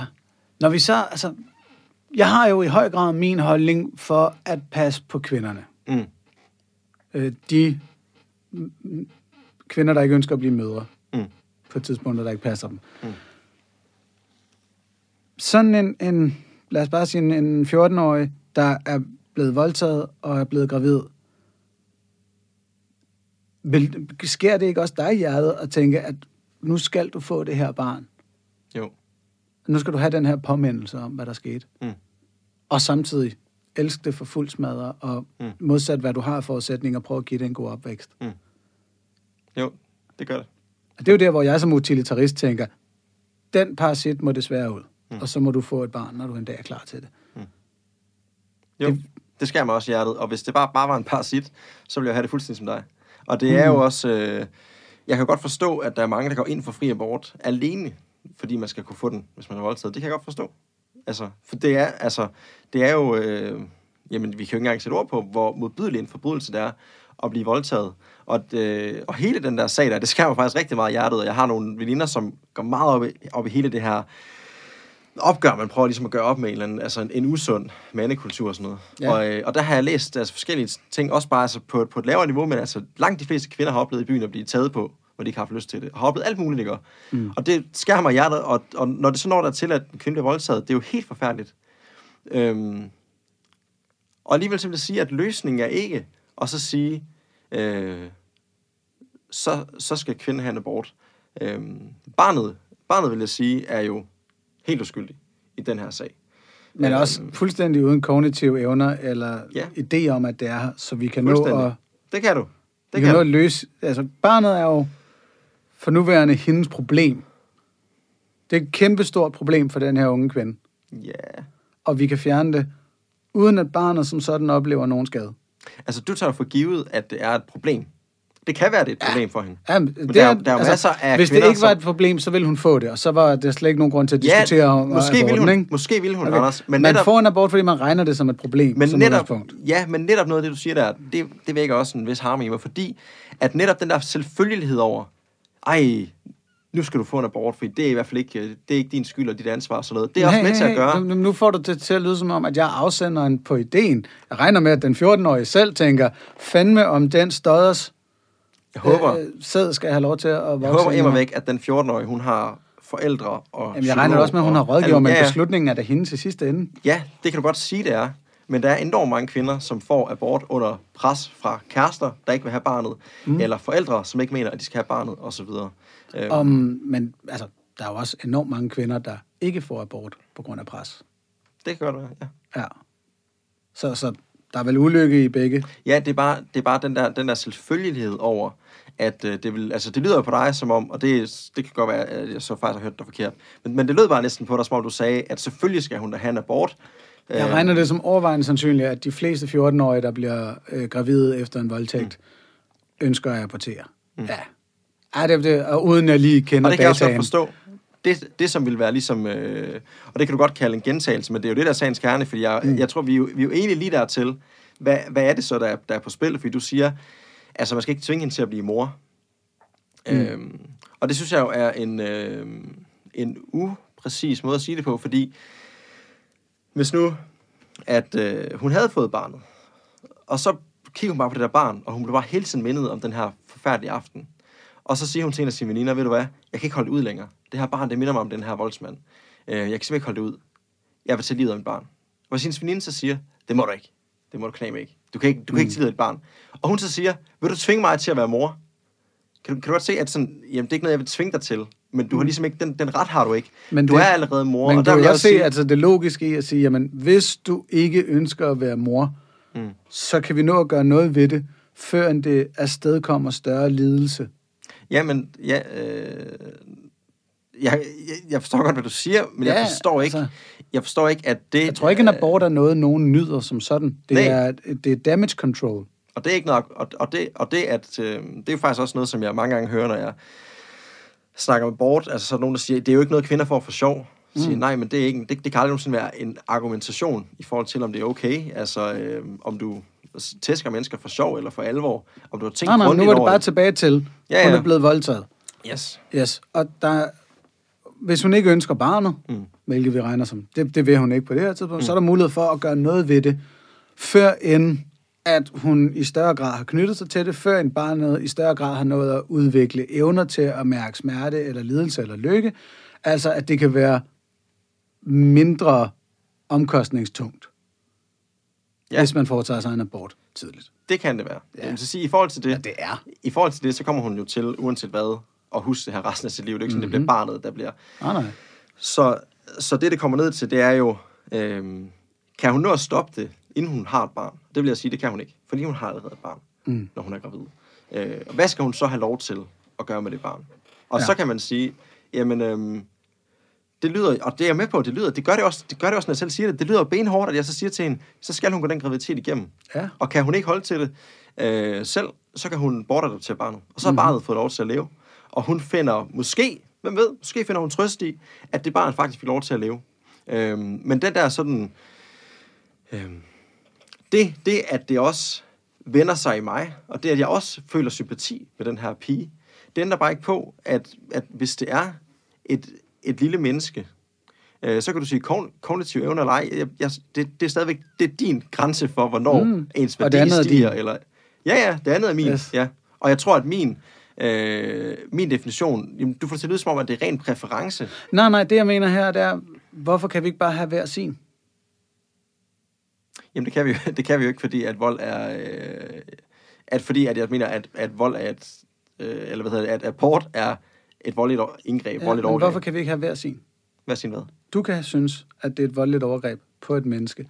Jeg kan mene, det er en praktisk fjernelse af en parasit, inden det udvikler sig til et menneske. Og så kan vi have hver vores frihed til at tænke og handle ud fra det. Men vil du finde dig det, hvis jeg havde min øh, personlige vurdering af, om man måtte øh, tæske sin kone? Du har ret. Vi, det, vi er i gang med at gentage os selv. Mm, det tror jeg lidt. Ja. I forhold til retten til liv vil jeg bare sige, at vi arbejder jo på de her ligesom, forskellige platforme, og så har vi ligesom, så har vi jo abortlinjen, som Mm. er en telefonrådgivning, øh, hvor kvinder ringer ind til og får hjælp og støtte og sparring og øh, rådgivning. Og det er sådan ja. på en eller anden måde jo faktisk altså, hoveddelen af vores arbejde. I hvert fald sådan rent økonomisk. Altså, får I penge for det? Nej, det der koster os mest. Nå ja, okay. Nej, bare Jeg roligt. skulle lige til... Ja, øhm, så, så er det en del af jeres delmål, at sådan noget kunne blive obligatorisk, hvis man ønsker en abort? Altså, vores, det, det er jo i hvert fald, at man skal have rådgivning, og faktisk, så skal man i dag, jeg var faktisk inde og læse, læse lidt op på det i lovgivningen, øh, før i dag, øh, fordi jeg tænkte sådan, det er faktisk, jeg ved faktisk ikke engang helt, hvad der står i vores lovgivning. og der står faktisk, at du skal, du skal ligesom have en snak, og du skal have en rådgivning med din læge. Ja. Øh, Ikke med jer, men med en læge. ikke med os. Nej, jeg vil, jeg, jeg, vil, jeg vil nok ikke, jeg vil nok synes, det var stramt at sige, at der skulle stå i lovgivningen, man lige skulle snakke med retten til liv. Okay, det er ikke et delmål. Nej, det er det ikke. Nej. Okay, men, det er godt, det, det men- tror jeg har set nogen steder. at Men man en gerne vil bedre og mere øh, færre rådgivning, hvor det ikke er aborten, der er den umiddelbare løsning. Og øh, det bliver jo sådan lidt anekdotisk. Men så kan man jo prøve at spørge sine veninder. Vi kender jo alle sammen nogen, der har fået en abort. Mm. Det er jo vilkårene. Øhm, og altså, øh, jeg har bare hørt, hørt flere historier øh, fra veninder. For eksempel har jeg en veninde, hun har været i England, er blevet gravid, kom hjem, og hun er i start 20'erne, siger til sin læge, jeg er blevet gravid. Og øh, det er min mand i England, jeg ser ham aldrig igen. Så siger lægen, øhm, ved du hvad, tag den helt med ro. Du kan få en abort allerede i morgen. Og så giver han mm. Mhm. en tid næste morgen kl. 9. Så får hun en abort. Hun har ikke engang snakket med sine forældre. Hun har ikke snakket med sine veninder. Mm. Hun har ikke fået nogen rådgivning. Og det kan jo godt være, at han bare er et brødent kar. Ikke? Altså, det, det kan godt være. Øhm, men der er ligesom ikke nogen, der er ikke nogen snak. Der er ikke nogen rådgivning. Og hun finder ud af efterfølgende, du ved, fordi hun har ligesom de fleste danskere, du ved, de har måske hørt en, øh, en veltalende, intelligent komiker sige en podcast, det er jo bare en parasit. Og og så får hun bare den her abort. Mm-hmm. Øh, og så bagefter, så finder hun ud af, du ved, måske faktisk ved at snakke med mig, at øh, der er noget, der tyder på, at det er mere end en parasit. Det er faktisk et menneske. Og så siger hun, det har faktisk været rart lige at have en snak om, mm. Måske fosterets udvikling, måske mine muligheder for at få hjælp og støtte. Hun var jo du ved, uuddannet og enlig mor. Og, Ja. og øhm, der er ligesom noget i det der med, at øhm, systemet er lidt rigged. Altså, det kommer til at lyde sådan lidt konspiratorisk, ikke? Men nu for eksempel min søster, hun har lige fået et barn her i december. Ja. Og øh, det, det barn, øh, Bertram, min nevø der, han var i høj risiko for at være handicappet. Mm. Allerede der, så begynder man at få at blive spurgt ind til, om man øh, overvejer at få en abort, øh, fordi det er svært at leve med et handicappet barn. Og øh, det, er jo, det er jo inden for nogle rammer. Altså. Men det der er, det er, at dels så øh, er der et pres på, at hvis du har, at du venter dig et handicappet barn, så er, så er der et pres, og det har, det har jeg jo i hvert fald måske også på grund af den her. Det har hørt mange historier om folk, der er blevet presset til at få en abort. Ja. Nå, men, men, men bare for at holde mig til min søsters historie, hvor der ikke er noget pres som sådan. Hun er, hun er i høj risiko for at få et barn med øh, sygdom, eller som handicap. Mm. Og det, det er, hvis der er 1-200 sandsynlighed. Det vil sige en halv procent, så hedder det høj risiko. Der er jo noget sådan lidt i ordet høj risiko. Der er en halv procent risiko. Det hedder høj risiko. Ja. Så for at blive sikker på, om- om Bertram her, om han er syg, øh, så kan man få det, der hedder en moderkagebiopsi. Og øh, der er der en øh, risiko på 1% for at få en øh, abort, når man får en moderkagebiopsi. Og det siger min søster så, det har jeg ikke lyst til. Og så sidder den her læge og virkelig presser min søster og siger sådan, det, det synes jeg, du skal, fordi du er nødt til at finde ud af, hvad fejler det her barn, og det ene og det andet. Så siger hun, jamen uanset hvis det fejler noget, så vil jeg ikke have en abort. Og øh, jeg har ikke lyst til at tage den risiko. Og så siger lægen, øh, altså det er jo næsten ingen risiko, det er jo kun 1%. Ikke? Men der er dobbelt så stor risiko for, at hun aborterer ved at få moderkagebiopsien, end der er risiko for, at hendes barn er handicappet, men hendes, bar, men hendes barn er i højrisikogruppen for at være handicappet. Jeg kan godt se, det er meget sjovt. Men øhm, må jeg Øhm, spole lidt tilbage? Du må meget gerne spole tilbage. Det var faktisk bare for at give et eksempel på en af mine kæpheste. Det er ligesom, hvordan ja. at jeg oplever fra vidnesbyrd, men bare fra folk, der fortæller om det, at i systemet er der ligesom en, en uh, tendens til, at man går ligesom abortvejen, og mm. at man ikke er særlig åben over for at ligesom... Øh, og Ja. rådgive fra begge sider. Jamen, fordi til forsvar for det der med at behandle abort som noget relativt harmløst. Mhm. Til hende her, der kom hjem fra England og tænkte, nej, jeg, har fået, jeg er åbenbart blevet gravid efter at have knaldet med en dude, jeg aldrig kommer til at se igen. Mm. Prisen for at få den abort, rent psykologisk, er ikke så høj, lyder det til umiddelbart. Den bliver høj, da hun hører fra dig Mm. Og fra lignende. Mm. Så er den pludselig høj, mm. når hun hører, at vi mener, det er et menneske, mm. det du har aborteret. Mm. Lægen mener, det er et, et lille foster. Anders siger, det, det, er en- det er en parasit, så videre. Du regner det selv som, ja. Mm. Nu for, fortæller vi dig, det er et barn. Mm. Der bliver hendes psykiske omkostning pludselig højere. Mm. Og det er noget af det, der kan, kan bekymre mig lidt ved, og det er jeg glad for, at du siger, at det ikke skal være, øh, I skal ikke have krav på at kunne rådgive med, med jeres synspunkter. Fordi der sidder og tænker, er du ikke også lidt nervøs for, at I er med til at gøre prisen højere? Mm. For rent psykologisk for de her kvinder. Mm. Især tænker jeg selvfølgelig, det, jeg ved ikke, hvor slemme I er, men, men foran en bo- abortklinik i USA, så mens du er på vej ind for at tage et af dit teenage-livs hårdeste beslutninger, så står der en masse mennesker med billeder af børn og kalder dig morder. Mm. Det gør det bare ikke nemmere. Det kan det, det, det er mange sagtens følge, altså. Mm. Og øh, jeg har jo mødt det mange gange. Og møder det jo også... Øh, vi, vi lavede for nogle år siden, øh, var det i 13, der lavede vi sådan en korsmark, Ja. hvor vi fyldte en mark med hvide kors ude i øh, Østjylland sted i Bibelbæltet. Og øh, der var 15.000 kors, som ligesom var repræsenteret et tabt liv fra det seneste år der. Ja. Og, øh, og det var noget af det der, som folk de slog sig sindssygt meget på. Folk blev mega sure over. Hvem er I at komme her og sige sådan sådan? Og det, jeg går ind for den frie debat, den åbne samtale, som du også gør. Mm. Og øh, jeg synes, at man skal prøve at få øh, sandhederne på bordet og, og have nogle snakke. Og lad os nu sige, at det er et, lad os sige, at det er et menneske med lige værdi som alle os andre. Øhm, så, så giver det jo mening, at man fortæller det, så hun måske eventuelt i fremtiden over, genovervejer at få en abort. Og uanset hvad, så, så kan det jo i hvert fald ikke være, hvad kan man sige, det kan ikke rigtig være til nogens hjælp, at man prøver at fortige noget, som man, som man mener er sandt. Der er forskel på, mm. der er forskel på det, og så at udskamme. Jeg har ikke lyst til at udskamme nogen kvinder. Ja. Og der er jo ikke noget, øhm, som jeg sagde før, vi kender alle sammen kvinder, der har fået en abort. Der, der er jo foretaget hvad, 800.000 aborter i Danmark. Jo. Så vi støder jo ind i kvinder, der har fået aborter. Ja. Og det, jeg, jeg går ikke og tænker på dem. hold fast nogle mordere, hold fast nogle dårlige mennesker.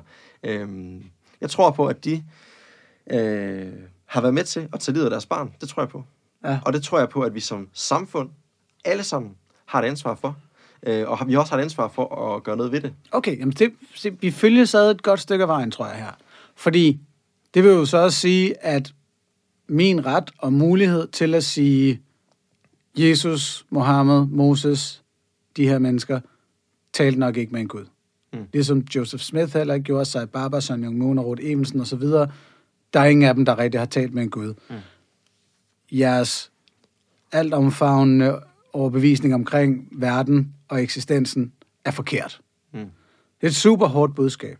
Mm. Dybt modbydeligt, og det er også grunden til, at jeg er på øretævnes højplads, mm. højplads, som du siger. Altså, det er der jo nogen, der ser værende lige så hårdt som de 15.000 kors på marken. Mm. Men vi har respektivt lov til at komme med det, Mm. uanset at det ikke er et velkomment budskab. Mm. Øhm, Ja, men og... det er vel... Nej, fortsæt bare. Ja, okay, så nu må vi prøve. Det er vel stadig vores forpligtelse at lige huske på, hvordan vi leverer det. Mm. Altså, fordi for mig, der er det centralt, at min religionskritik så vidt muligt handler om magthavere og forkyndere, Mm. og i mindre grad handler om menigheden, mm. den enkelte. Mm. Hvor jeg også tænker, at I håber vel også, at jeres budskab så vidt muligt skal gå på læger og systemet og kulturelle formidlere, snarere end den enkelte kvinde, der skal tage beslutningen, eller hvad? Nej, nej, jeg kan faktisk ikke sige, tror jeg. Fordi. Okay. fordi, fordi at vi jo netop, som vi også snakkede om tidligere, at vi vil gerne vinde en folkestemning. Øh, og øh, det tror jeg kommer til at ske. Øh, Ja. Det tror jeg faktisk på. Øh, så, så det jeg vil sige, det er, ja, kritikken, det er klart, jo større viden, jo større ansvar. Sådan har jeg det. Altså, så hvis nogen, det er også derfor, at der er jo skærpet øh, straf, kan man sige, for vores, øh, hvis det nogensinde kunne ske for en af vores øh, ministre eller lignende, hvis de mod bedre vidne lyver, for eksempel, eller mod bedre vidne gør noget. Ikke? Og Der er forskel på, hvor meget du ved. Så jo mere du ved, jo større grad af viden, jo større ansvar. Så, sådan vil jeg nok sige. Øhm, grund til, at jeg synes, at, øh, at det jo selvfølgelig er aktuelt for alle danskere, det her, det er fordi, at det er alle danskere, der står i det, og alle unge piger og mænd. Og øh, det som for eksempel med min øh, veninde der, som havde været i England og det der, øh, det var jo ikke sådan, at hun, når jeg forresten, jeg har også engang fået en abort, det tænkte hun sindssygt meget over. Og det, som jeg synes var øh, uhederligt af den her læge, det var, at han ikke i det mindste spørger hende ind til, hvem, hvem tager du en snak med? At han ikke prøver på en eller anden måde at hjælpe hende til at få et oplyst grundlag, fordi du kan ikke lige gøre det om. Mm. Det kan du ikke. Så kan vi, så kan vi to være uenige om, er det et værdifuldt lille menneske eller ej. Øhm, men, men du kan ikke lige gøre det om. Og, og hvis du nu, altså så, så det jeg gerne vil sige til alle danskere, det er ligesom, prøv at gå ind og læse lidt om øh, filosofiske argumenter for og imod, at et foster er et barn. Øh, med lige værdi som ellers andre. Gå ind og læs lidt på biologien. Mm. Øh, undersøg det. Snak med dine venner om det. Du ved, de der ting, det vil jeg gerne have folk til at gøre. Og så vil jeg ikke... Øh, jeg, jeg, jeg kan jo heller ikke få folk til at ændre mening ved at sige, hey, du skal være ligesom mig, eller tænke ligesom mig. Mm. Jeg vil gerne have folk til at tage snakken, og derfor vil jeg gerne tage øh, debatten og åbne debatten. Og ja, det, det vil så jo gøre ondt på nogen. Og det er jeg ked af. Men det er stadigvæk ikke det, at jeg sætter fingeren på det, der gør ondt. Altså, jeg synes også, at det var pinligt, når der var præster, der sagde ligesom, at du mobbede folkekirken med den der buskampagne, eller at de gjorde i artistisk selskab. Mm. Det er jo pinligt, at det skulle være et argument, at de føler sig øh, trådt på. Og, øh, og der er vi også meget på samme side. Altså, jeg, jeg deler helt dit anlæggende. Jeg kan nemt forstå, at du tænker, at jamen, hvis der virkelig ikke er nogen af de her religioner, der har ret, så skal de heller ikke have så mange for, fordele og magt. Og jeg kan godt forstå, at du tænker, at hvis kristendom er opspind, pur opspind, og hvis det er i virkeligheden noget, som nogle magtfulde mennesker kan udnytte på en dårlig måde, for eksempel ved at tale om, at der er en fortabelse, Mm. at så vil du gerne have, at det stopper.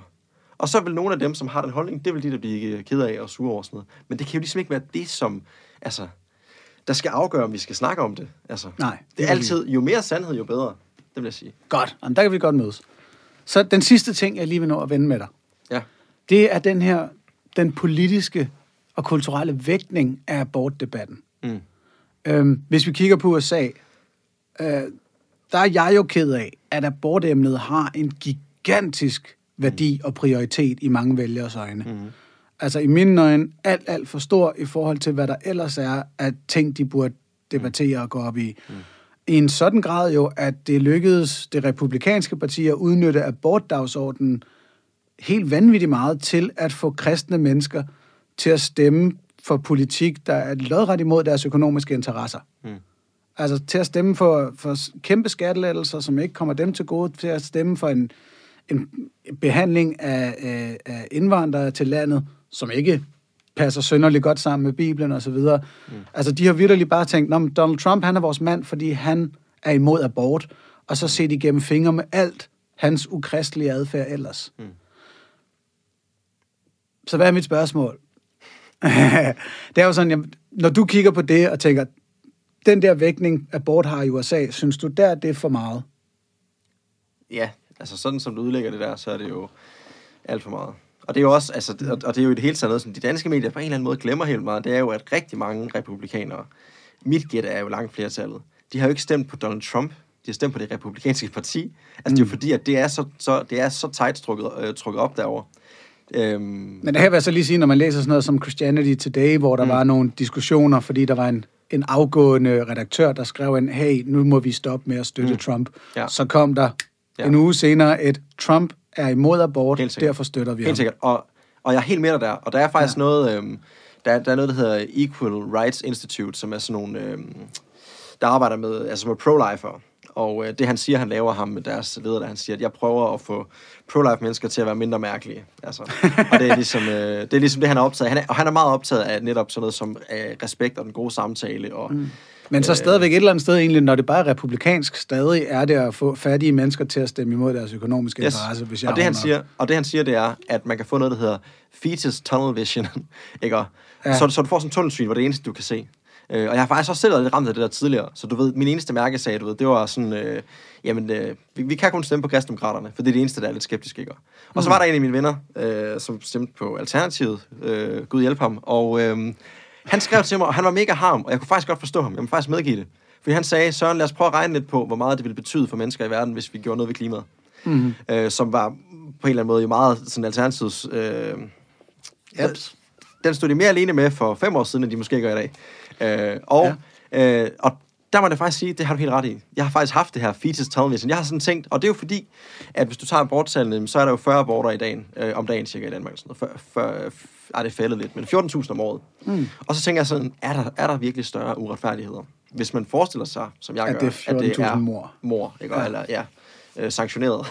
og, øh, og det kan man helt sikkert godt få, så det bliver alt overskyggende. Og det mm. synes jeg også er enormt grimt i USA, fordi man netop finder sig i, altså, øh, og hvilket vidnesbyrd er det jo et om kristendom, at man finder sig i, at han er totalt misogyn og alt muligt andet. Altså, øh, så det, der er jeg helt på linje med det. Og der er mange ting, de gør i USA, som, øh, som jeg tager stor afstand fra. Der er jo også øh, nogle få heldigvis kun, men der er jo også nogle voldelige abortmodstandere og sådan noget. Men det, jeg så vil sige, som er det fede i USA, det er, at i USA, der er det så normalt, at man har en snak om, pro-life og pro-choice. Og det er noget, som man godt kan øh, være uenig om at være venner, fordi at man er vant til at snakke om det, man er vant til nuancerne på en eller anden måde. På en anden måde. Det er i hvert fald det, jeg har hørt fra de... Man kan være... Altså, fordi der, nu er der jo stater, hvor de er nede på en abortklinik. Det okay. virker ikke som om, at det er synderligt at være venner. Nej, men altså Eller venner... Altså, øh, øh, os to. Altså, det, det er det, jeg mener. Nå, på den altså, øh, som, bare som mennesker. Altså, nu taler jeg bare om mig, som er bortmodstander i Danmark. Altså, i Danmark, jeg oplever virkelig, at der er, nærmest, der er ikke noget, der er så tabu som det her. Altså. Okay, ej, der, der vil jeg nu... Nå, ja, okay, det er tabubelagt. Ja, og det er meget, meget svært at snakke om. Og ja. i Danmark, fordi at vi ligesom ikke... Det er ikke en snak, vi er vant til at have, og, og vi er også vant til, at det er sådan nogle tosser, som dem der ekstremister over i retten til liv, ikke, der har den her holdning, mm. at, at, at hvis nogen hører ligesom, at du, jamen jeg er faktisk modstander af en fri abort, så er du ligesom på en eller anden måde allerede ude. Og det siger ikke som sådan et, du ved, prøv at af mig. Det er bare sådan, at det jeg mener egentlig bare, at, at i USA er man vant til at have den debat ja. blandt, blandt mennesker, og det er vi ikke så vant til i Danmark. Jamen, det ser, og her skubber du lidt til en dårlig samvittighed i mig. Det er jeg glad for at høre. Fordi, Fordi der er jo et sted, man kan finde tilgivelse. Nej, du, du bliver ikke glad for at høre, hvorfor. Nå. Fordi at ved at invitere jer ind i min podcast, er jeg også med til at normalisere noget, som vi faktisk troede efter den frie abort blev indført, at man var slet godt, så er vi forbi. Mm. Altså det er et af de politiske emner, hvor man ligesom tænker, selvfølgelig skal man selv kunne bestemme, og at nogle mennesker har den moral, at den lave er et menneske allerede, det må de gerne, men en kvinde, der mener, at det bare er en lave, det må hun gerne. Og nu har vi klaret det. Nu er det hak i menneskerettighedsdagsordenen overstået. Og ved at invitere dig ind, ved at tage debatten igen, som jeg synes er skægt, mm. så er jeg med til at normalisere, at vi skal til at drøfte, om den frie abort mm. skal ophøre igen. Mm. Øhm, på samme måde, som jeg også får kritik for at invitere Iben Tranholm ind, for eksempel, og sige, dude, er der en grund til at give en taltid? Mm. Øh, Det var bare sådan, det er den dårlige samvittighed, jeg mener. Men jeg Ja, synes, det, var en anden dårlig end jeg havde håbet på. Ja. Jeg havde troet, at det var en omvendelseshistorie nu. Nej. Øhm, Fordi kan du godt forstå, når kvinder er sådan lidt, kan I ikke bare blande udenom? Det er Ja. deres kroppe. det kan jeg nemt forstå. Men det er så fordi, det er ikke deres kroppe, når den først er blevet befrugtet. Ja, så er det jo selvfølgelig, at er det jo i deres krop, og det er dem, der skal gå med graviditeten. Øhm, men, Men det er ikke længere kun deres krop. Nej, nej. Og altså, du kalder det en parasit, du kalder det en larve, du kalder Ja, det alt ja. muligt. Og jeg vil bare holde fastholde, at du har sat en fuldstændig vilkårlig grænse for, hvornår menneskelivet begynder. Og det synes jeg er vildt nok. Og jeg tror faktisk, at... Jeg synes ikke, øh, min grænse er mere vilkårlig end din. Okay. Du, du tænker, jamen det er, her er DNA'et, og, og det kan gro til at blive til et menneske. Og det er Nej, derfor, det er det er, det er et menneske, menneske. fra starten. Yes. Hvor jeg siger, jamen det er DNA'et, det kan gro til at blive et foster. Og når forældrene siger, det her foster, det gør vi til et Yes. menneske. Og alle forældre Jeg er mener jo... ikke, min grænse er mere arbitrær end din. Men alle forældre er jo forskellige, og det bliver jo vilkårligt. Det bliver jo faktuelt vilkårligt på den måde, at det bliver, hvad, hvad, det bliver jo forskelligt. Altså, så det vil sige, ja. at menneskelivets værdi... Øh, Man vil nærmest kunne argumentere for, at i min grænse, at nogle menneskeliv starter før undfangelsen. Mm. Fordi at, som en af mine venner forklarer mig på et tidspunkt, han synes noget af det frækkeste i verden, det var, da han kiggede på sin kone og sagde, nu putter jeg en baby i dig. Lige der var Charlie allerede. men der var der jo. bare ikke. Men det var der jo bare ikke. Altså, Nå, men hey, havde- det var den inde i ham og konens hoveder, yes. og da de lagde sig i sengen, så var det for at skabe et menneskeliv. Okay, men lad os sige, at hun ikke var blevet gravid den aften, og hun slet ikke blev gravid. Var der så et menneske? Det var der jo ikke. Altså, Nej, der, men, der er jo noget, men der er jo den på et aften, tidspunkt- hvor de lagde sig ned Ja. med, med intentionen Ja. om, nu kommer Charlie. Men det er det der, det er netop det der, altså jeg synes jo, at, at du taler jo om in, intentioner, og jeg vil jo sige, at den bevisbyrde, som du er nødt til at løfte, det er alt det, som gør, at, at, øh, at vi har lige værdi nu. Hvorfor er det anderledes, før man er blevet født? Altså, hvorfor er det, at... Altså, og, det, det, det, man, det, og det har vi været igennem, men det kan, Ja, man, ja. så, det kan man så tænke over. Hvad er, hvad, er, hvad er i virkeligheden den filosofiske eller biologiske, eller... Hvad, hvad Må jeg prøve den æstetiske? Ja, tag da den æstetiske, det Fordi lyder fedt. her, ja, min påstand vil være, at, at min grænse er smukkere end din. Og Mm. jeg winger den her lige nu, ikke? Jeg gør det. Fordi din grænse er jo ved splort, og så er der et befrugtet æg. Øhm, min grænse er ved hensigten mm. om at sige, nu gør vi det. Nu laver vi et menneskeliv. Og det kan så være inden man lægger sig ned og, og gør det, eller det kan være i 11. uge, hvor man med tårer ned ad kinderne tænker, fuck det, vi får det til at fungere. Vi giver det her. Vi gør det her til et menneskeliv. jeg ser din æstetik, og så forhøjer jeg yes. med, at der er en Gud, som er ren overskud af kærlighed, finder på mennesket og skaber mennesket. Og inden de gik i seng med hinanden, dine venner der, så sagde Gud, jeg vil skabe et menneske nu, fordi jeg elsker mennesker. Så ikke bare intentionen i dem, men en Gud, alt overskyggende kærlighed, har valgt at skabe mennesker. Ja. Den jeton kan jeg simpelthen ikke se. Nej, Den er, den er kan jeg ikke se din, fordi din sæton er jo også oppe i hovedet. Det er jo, hvornår min intention er sådan og sådan. Ja. ja, fair nok, fair nok. Øh, Søren, er der mere, vi mangler?